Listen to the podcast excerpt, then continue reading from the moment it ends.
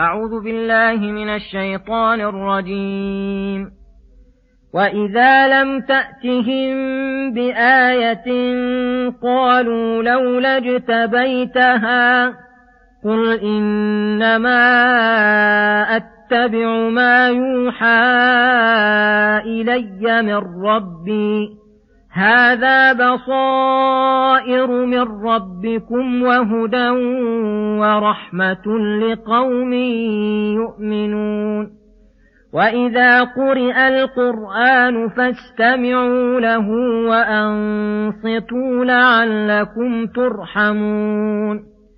واذكر ربك في نفسك تضرعا وخيفة ودون الجهر من القول بالغدو والآصال ولا تكن من الغافلين إن الذين عند ربك لا يستكبرون عن عبادته ويسبحونه وله يسجدون. بسم الله الرحمن الرحيم. السلام عليكم ورحمة الله وبركاته. يقول الله سبحانه وإذا لم تأتهم بآية قالوا لولا اجتبيتها قل إنما أتبع ما يوحى إلي من ربي هذا بصائر من ربكم وهدى ورحمة لقوم يؤمنون. أي لا يزال هؤلاء المكذبون لك في تعنت وعناد ولو جاءتهم الآيات الدالة على الهدى والرشاد. فإذا جئتهم بشيء من الآيات الدالة على صدقك لم ينقادوا وإذا لم تأتهم بآية من آيات اقتراح التي يعينونها قالوا لولا اجتبيتها. أي هل اخترت الآية؟ فصارت الآية الفلانية والمعجزة الفلانية كأنك أنت المنزل الآيات المدبر لجميع المخلوقات ولم يعلموا أنه ليس لك من أمر شيء أو لولا اخترعتها من نفسك. قل إنما أتبع ما يوحى إلي من ربي فأنا عبد متبع مدبر.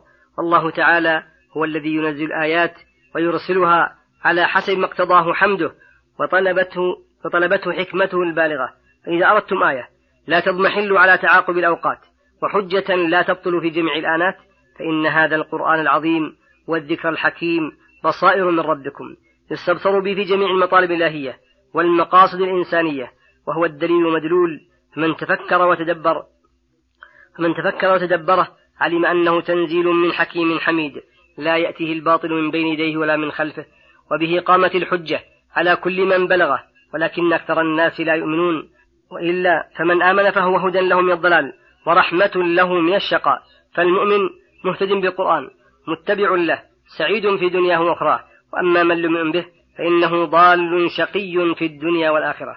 ثم يقول سبحانه وإذا قرئ القرآن فاستمعوا له وأنصتوا لعلكم ترحمون. هذا الأمر عام في كل من سمع كتاب الله يتلى. فإنه مأمور بالاستماع له والإنصات. والفرق بين الاستماع والإنصات أن الإنصات في الظاهر بترك التحدث أو الاشتغال بما يشغل عن استماعه. وأما الاستماع له فهو أن يلقي سمعه ويحضر قلبه ويتدبر ما يستمع. فإن من لازم على هذين الأمرين حين يتلى كتاب الله فإنه ينال خيرا كثيرا وعلما غزيرا وإيمانا مستمرا متجددا وهدى متزايدا وبصيرة في دينه. ولهذا رتب الله حصول الرحمة عليهما فدل ذلك على أن من تلي عليه كتاب فلم يستمع له ولم ينصت أنه محروم الحظ. من الرحمة قد فاته خير كثير. من أوكد ما يؤمر مستمع القرآن أنه يستمع له وينصت في الصلاة الجهرية إذا قرأ إمامه. فإنه مأمور بالإنصات حتى إن أكثر العلماء يقولون إن اشتغال بالإنصات أولى من قراءة الفاتحة وغيرها. ثم يقول سبحانه واذكر ربك في نفسك تضرعا وخيفة ودون الجهر من القول بالغدو والآصال ولا تكن من الغافلين. إن الذين عند ربك لا يستكبرون عن عبادته ويسبحونه وله يسجدون. الذكر لله تعالى يكون بالقلب ويكون باللسان ويكون بهما وهو أكمل أنواع الذكر وأحواله.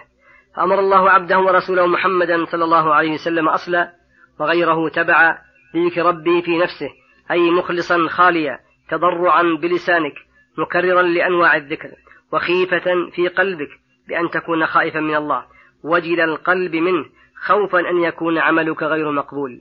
وعلامة الخوف أن يسعى ويجتهد في تكميل العمل وإصلاحه والنصح به ودون الجهر من القول أي كن متوسطا لا تجهر بصلاتك ولا تخافت بها وابتغ بين ذلك سبيلا. بالغدو أول النهار والآصال آخرة وهذان الوقتان فيهما مزية وفضيلة على غيرهما. ولا تكن من الغافلين الذين نسوا الله فأنساهم أنفسهم فإنهم حرموا خير الدنيا والآخرة وأعرضوا عمن كل السعادة والفوز في ذكره وعبوديته. وأقبلوا على من كل الشقاء من كل الشقاوة والخيبة لاشتغال به.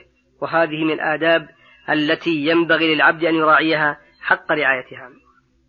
وهي الاكثار من ذكر الله آناء الليل والنهار خصوصا طرفي النهار مخلصا خاشعا متضرعا متذللا ساكنا متواطئا عليه قلبه ولسانه بأدب ووقار وإقبال على الدعاء والذكر وإحضار له بقلبه وعدم غفلة فإن الله لا يستجيب دعاء من قلب غافل لاهي. ثم ذكر تعالى أن له عبادا مستديمين لعبادته ملازمين لخدمته وهم الملائكة. لتعلموا أن الله لا يريد أن يتكثر بعبادتكم من قلة ولا ليتعزز بها من ذلة. وإنما يريد نفع أنفسكم وأن تربحوا عليه أضعاف أضعاف ما عملتم. فقال إن الذين عند ربك من الملائكة المقربين وحملة العرش والكروبيين لا يستكبرون عن عبادته بل يذعنون لها وينقادون لأمر ربهم ويسبحونه الليل والنهار لا يفترون وله وحده لا شريك له يسجدون فليقتدي العباد بهؤلاء الملائكة الكرام وليداوموا على عبادة الملك العلام. تم تفسير سورة الأعراف ولله الحمد والشكر والثناء وصلى الله على محمد وعلى آله وصحبه أجمعين. إلى الحلقة القادمة غدا إن شاء الله. السلام عليكم ورحمة الله وبركاته.